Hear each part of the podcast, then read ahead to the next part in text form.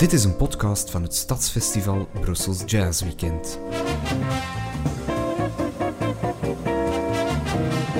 Ben je nieuw in de jazz, dan is dit een ideaal vertrekpunt om je op weg te helpen. Dag luisteraars, welkom opnieuw bij Jazziness. Frederik Goossens zit al voor nummer 19 tegenover mij. Frederik, over wie of wat gaan we het vandaag hebben? We hebben het vorige keer nog heel eventjes gehad over kronkelende paden. En Ja, paden. ja, ja, ja, met die free jazz. Ja, eh, eh, ik heb zin om terug over Miles Davis te praten. Die leidt het pad eigenlijk, hè? Ja, die leidt het pad. Bijna een hele carrière lang zal hij de jazz om de vijf jaar een andere richting uitsturen. En het zijn er heel veel die hem volgen. Dus ja, het lijkt misschien een Miles Davis podcast te worden. Maar dat is niet de bedoeling. Ik denk dat weinig mensen het erg vinden Nee, dat hij weer aan bod Ja, komt. waar hebben we hem eh, achtergelaten? Herinner je je nog Sketches of Spain? Ja, ja, zeker. Ehm, dan heeft hij een band met eh Wynton Kelly daarbij, pianist, en Paul Chambers. Jimmy Cobb is eh, de drummer. Heel goede band. Het swingt als de neten, misschien wel een van zijn meest funky bands.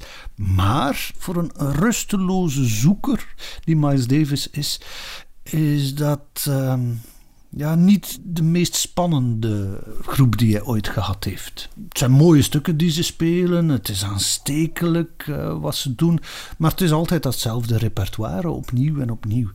En eh, na ongeveer een jaar of twee begint dat te kriebelen bij Miles. En met de hulp van eh, een oud gediende van hem, dat is drummer Philly Joe Jones, gaan ze op zoek naar nieuw bloed. En voor het eerst in de carrière van Miles zal hij niet gaan recruteren bij mensen die ouder zijn of bij leeftijdsgenoten. Maar Miles begint wat de doyen te worden. Eh, hij gaat bij een jongere generatie zoeken. Nu, wie zijn die jonge kerels? Wel, een van de eerste is meteen ook een van de meest opvallende. Dat is de drummer. Een jong ventje, te jong, want hij was nog minderjarig. eh, die heette Tony Williams. Maar barstensvol energie, ideeën en talent. Misschien wel een van de meest natuurlijke spelers die Miles ooit in zijn band gehad heeft. En ook een van de meest uitdagende. En dat had Miles direct gespot. Dat dat... Eh, dat was hem wat aangeraden door eh, vrienden en oud-collega's, door Philly Joe Jones. Dit mannetje houdt die in doog. En hij heeft hem een keer gezien en heeft onmiddellijk eh, hem geëngageerd. Zelfs al was hij minderjarig. Wat betekende bijvoorbeeld dat als je met een minderjarige wil gaan spelen, dat, eh, dat je daar niet in Amerika in de clubs binnen mag. Hè? Waar alcohol geserveerd wordt, daar komen geen min 18. Ik denk ondertussen zelfs min 21 kom je daar niet binnen. Eh, maar zijn overtuiging van zijn keuze was zo groot dat hij eh, dat maar afzag van dergelijke clubconcerten. En dan gaat hij op tournee door Europa gaan, want hier in Europa mag het. We weten dat Hier zijn allemaal. de zeden wat lassen. Ja, ja, ja. Dus dat is één. Drummer Tony Williams. En dan, je kent ze misschien, pianist Herbie Hancock. Een natuurtalent net zoals Tony Williams. Zo'n wonderkind die, naar het schijnt al op 11-jarige leeftijd, Mozart zat te spelen in Carnegie Hall. Maar evengoed de funk uit zijn vingers kon toveren. Eh, en dan de derde was bassist Ron Carter ook vers van het conservatorium. Iemand die kon plukken op de bas, kon strijken en dat allemaal met een onvoorstelbaar gemak. En met die drie kerels, die hij nooit instrueert. Hij zegt niet van en nu gaan we dit doen en jullie eh, gaan allemaal die richting uit moeten gaan. Nee, hij laat ze samenkomen. Het schijnt zelfs de eerste repetities was hij er zelf niet bij. Hij liet ze in de kelder van zijn appartement spelen en hij luisterde mee over de intercom. En de jongens dachten van we gaan met Miles Davis kunnen spelen, maar ze hebben hem niet eens gezien. En ehm, pas later is Miles zo heel eventjes mee komen spelen, maar de repetities gebeurden op het podium. En dat is de essentie van die nieuwe band. En ik wil jou om alvast eens te proeven van dat orkestje. Eens meenemen naar februari 1964. In Avery Fisher Hall in New York wordt een benefiet georganiseerd voor de Voters Registration. Eh, je weet, op het eind van 1963 is Kennedy vermoord en er zijn nieuwe presidentsverkiezingen. En om zoveel mogelijk zwarten ook te laten registreren om te gaan stemmen, heeft Miles Davis toegezegd om daar een benefiet te spelen. Eén probleem, die jonge kerels, die natuurlijk in de wolken waren omdat ze bij de best betaalde bandleider van dat moment zaten, kwamen uh, daartoe en die waren niet op de hoogte gebracht. Dus die dachten een fantastische avond betaald te worden en dan krijgen ze net voor het podium te bestijgen te horen: jongens, vandaag is het voor niks. En dat moet bij sommigen een beetje in het verkeerde keelgat geschoten zijn. En ze beginnen wat te morren. En het moet op dat moment zijn dat Miles Davis met de vuist op tafel heeft geklopt en gezegd van kijk, ik ben hier de baas. Ofwel, daar is de deur, ofwel gaat iedereen mee met mij op dat podium. Ik wil hier geen tegenspraak meer.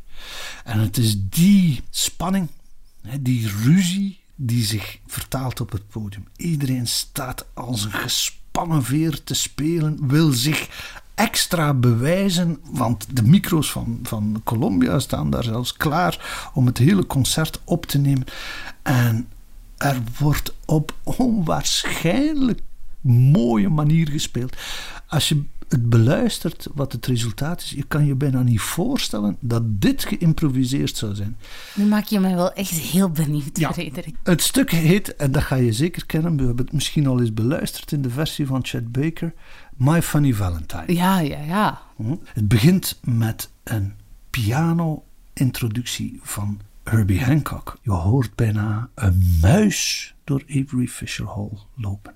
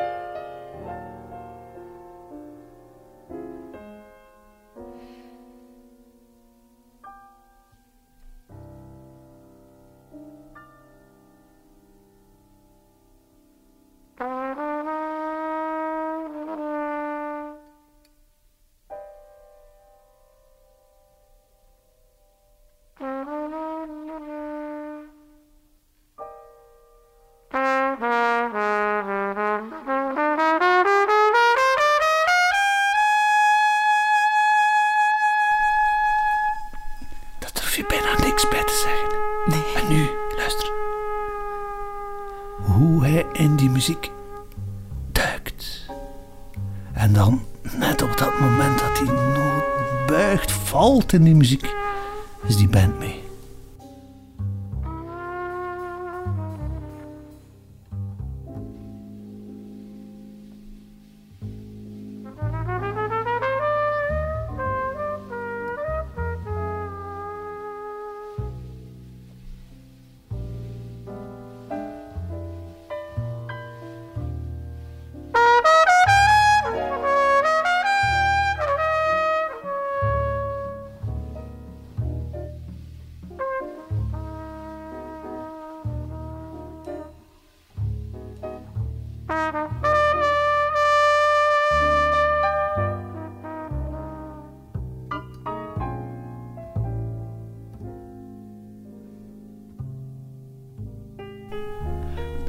stilte ook, die zo luid is. Hè, het moment dat hij niet speelt. En dan.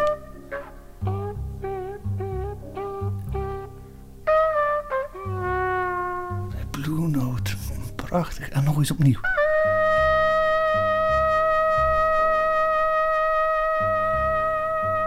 En dan voel je dat. Ja, dat. Introductie heeft al lang geduurd. En hier, ja, voilà. Ik schrik er bijna van. Ja, schreeuwt hij het uit. Het is bijna alsof hij zijn makkers hier nog eens tot de orde roept en dan met een jas. Ah, en die band is mee. En dan begint dat in medium swing. En dat moment wordt aangezet door de bas, die ronddraait. En ook het publiek heeft het door. Hè. Zijn er die applaudisseren. Ook hoe elke noot van Miles beantwoord wordt of geanticipeerd wordt door die drummer, dat heen en weer.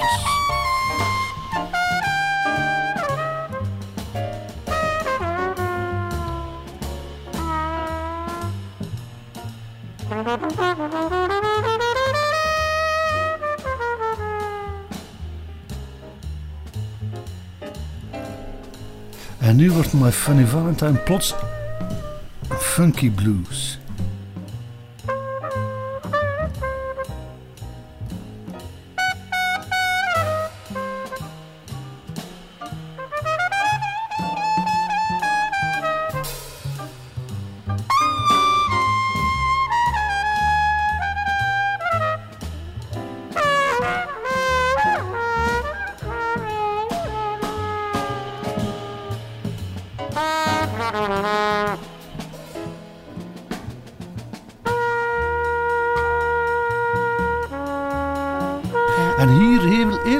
Zo'n momentje bossa nova.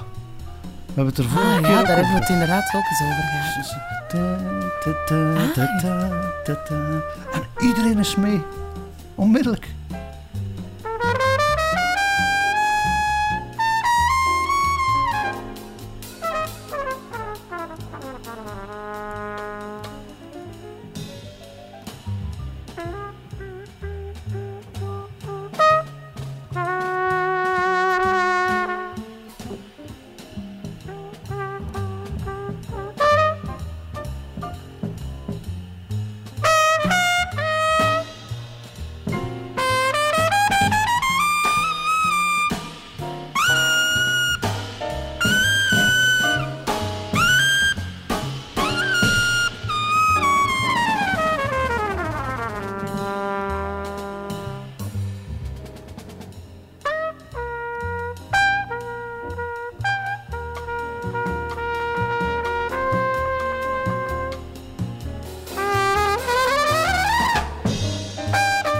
Mij, is elke keer als ik het hoor, is het zo verbazend hoe die jongens bijna, dat is, dat is één lichaam. Die perfecte coördinatie tussen die band is, onvoorstelbaar. Dus Miles heeft hier weer zo'n meesterzet gedaan, weer talent bij elkaar gebracht. In eh, zwakke schakel, hoewel hij speelt hier ook fantastisch. Dat is de man die we nu nog op de achtergrond horen, tenor-saxofonist George Coleman.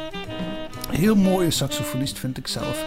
Maar naar het schijnt iemand die op voorhand eh, zijn lijntjes is doornam. Wat repeteerde achter de coulissen en eh, ideetjes uitprobeerde.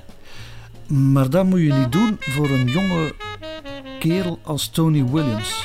Die een geheugen heeft als een olifant. Hè. Daar kan je iets voor spelen en, en drie jaar later of tien jaar later weet hij nog perfect hoe die melodie ging. En dat is wat er precies gebeurde op het podium.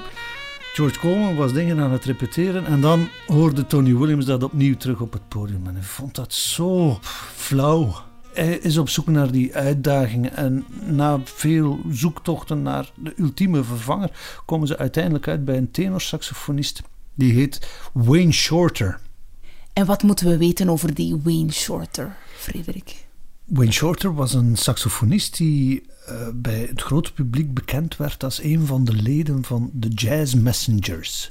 De Universiteit van de Hardbop wordt ze wel eens genoemd. Iedereen die iets betekent in die hardbop-stijl is bij Art Blakey in de leer gegaan.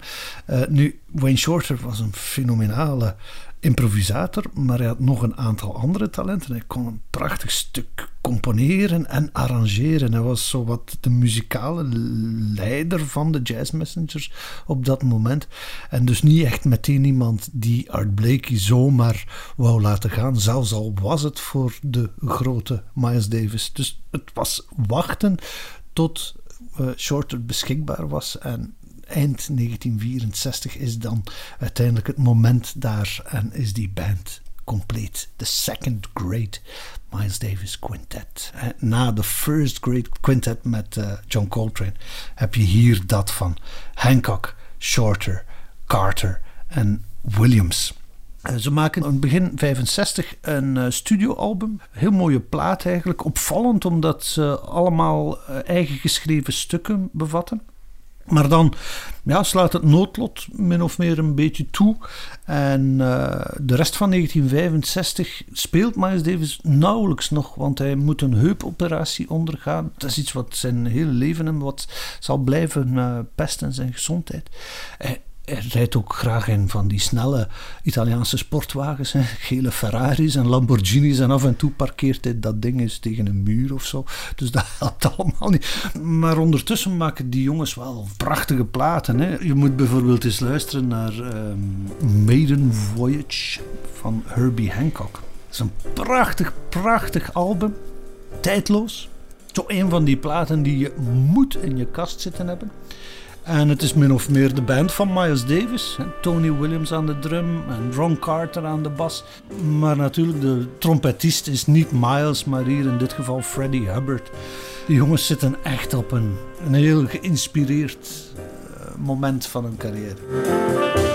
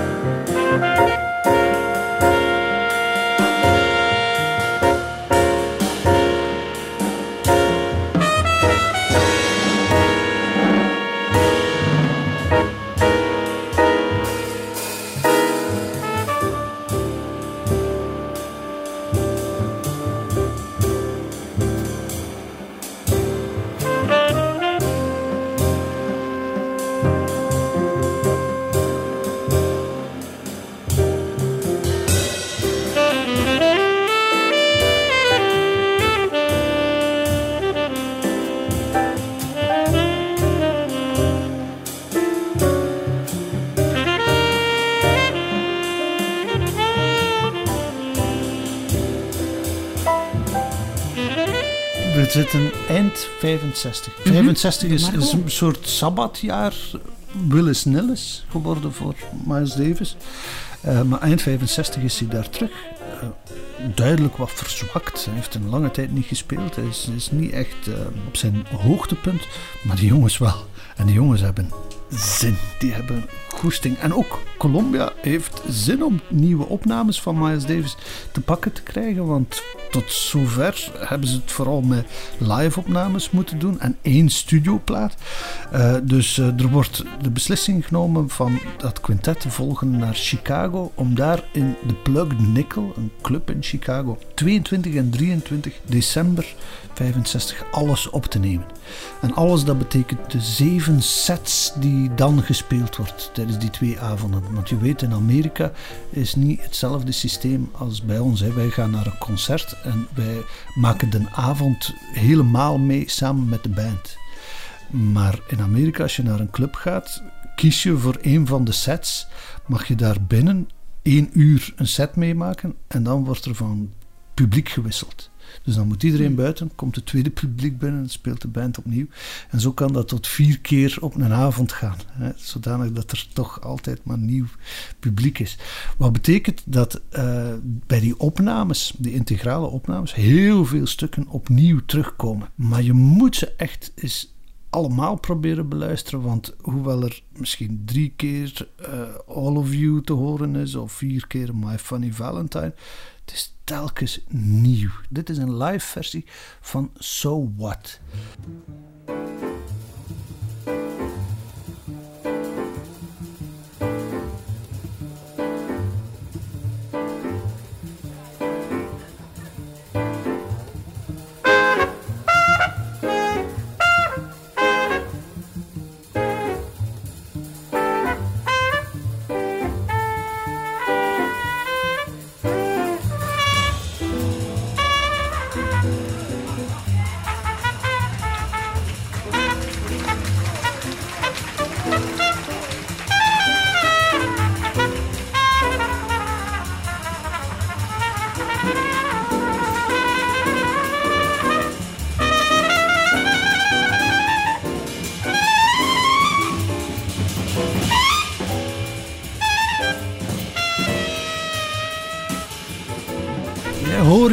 Begint Miles Davis meer en meer impressionistisch te spelen. En, en zijn lijnen worden kleurend, worden chromatisch.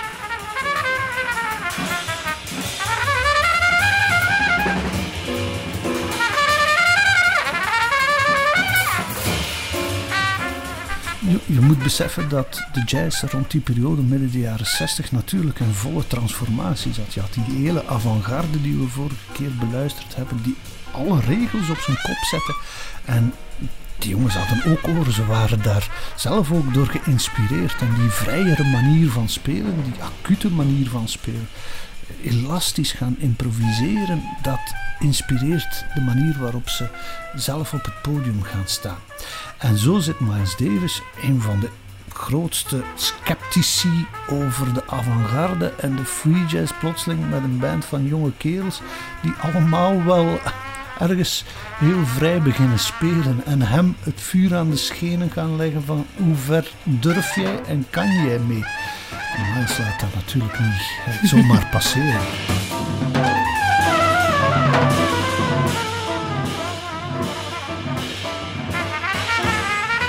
Ik vergelijk ze vaak met een team voetballers. Die gaan ook elke week naar de training. En ik weet niet wat ze daar leren, maar één tweetjes veronderstel ik. En tactiekjes. En, en er is een trainer die en van alles leert. Dus, dus ze weten wel wat ze kunnen doen. Maar uiteindelijk, als ze op dat veld staan, hangt het er nog maar een beetje van af wat mogelijk is. Zijn er wel gaten om dat tactiekje of, dat je op voorhand uitgedacht hebt ook uit te voeren? Je moet het wat van het moment laten afhangen. En dat is wat, wat zij doen ook. Hè. Post-Bob wordt het genoemd. Dus ze starten van een repertoire dat heel bekend is, dat zijn wortels kent in de bob. Maar de uitvoering daarvan is aan de complete vrijheid overgelaten. En dat is het. Hè. Je hebt hier waar de jazz vandaan komt en waar de jazz in de toekomst naartoe gaat. En nog altijd is dit voor jonge jazzbands een toetsteen. Zo wil iedereen wel spelen. Het lijkt bijna een orgelpunt van, ja, van ja. jazzimprovisatie. Ja, ja. Kunnen we dat dan nog overtreffen in onze twintigste podcast, Frederik? Zeker en vast. dat verhaal van jazz is lang niet gedaan. Dat verhaal van Miles Davis ook niet. We gaan verder moeten gaan met Miles Davis. Want ondertussen op de achtergrond gebeurt er ook van alles. In 64 is niet alleen dat concert My Funny Valentine. Maar komen ook de Beatles toe in, uh, in Amerika. En, en heb je dat fenomeen. En samen met de Beatles wordt ook de popmuziek volwassen. Wat betekent dat het publiek dat voor jazz was alsmaar kleiner wordt tijdens de jaren 60. En stel je voor dat dat kleine publiek dan nog eens geconfronteerd wordt met dit soort hevige, uitdagende improvisaties, ook van Miles Davis. Om de duur sta je te spelen voor twee mannen en een paardenkop. En dat had Miles ook wel begrepen. Ik ben benieuwd hoe hij daarop gaat reageren ja. dan. Dat horen we volgende keer. Tot dan.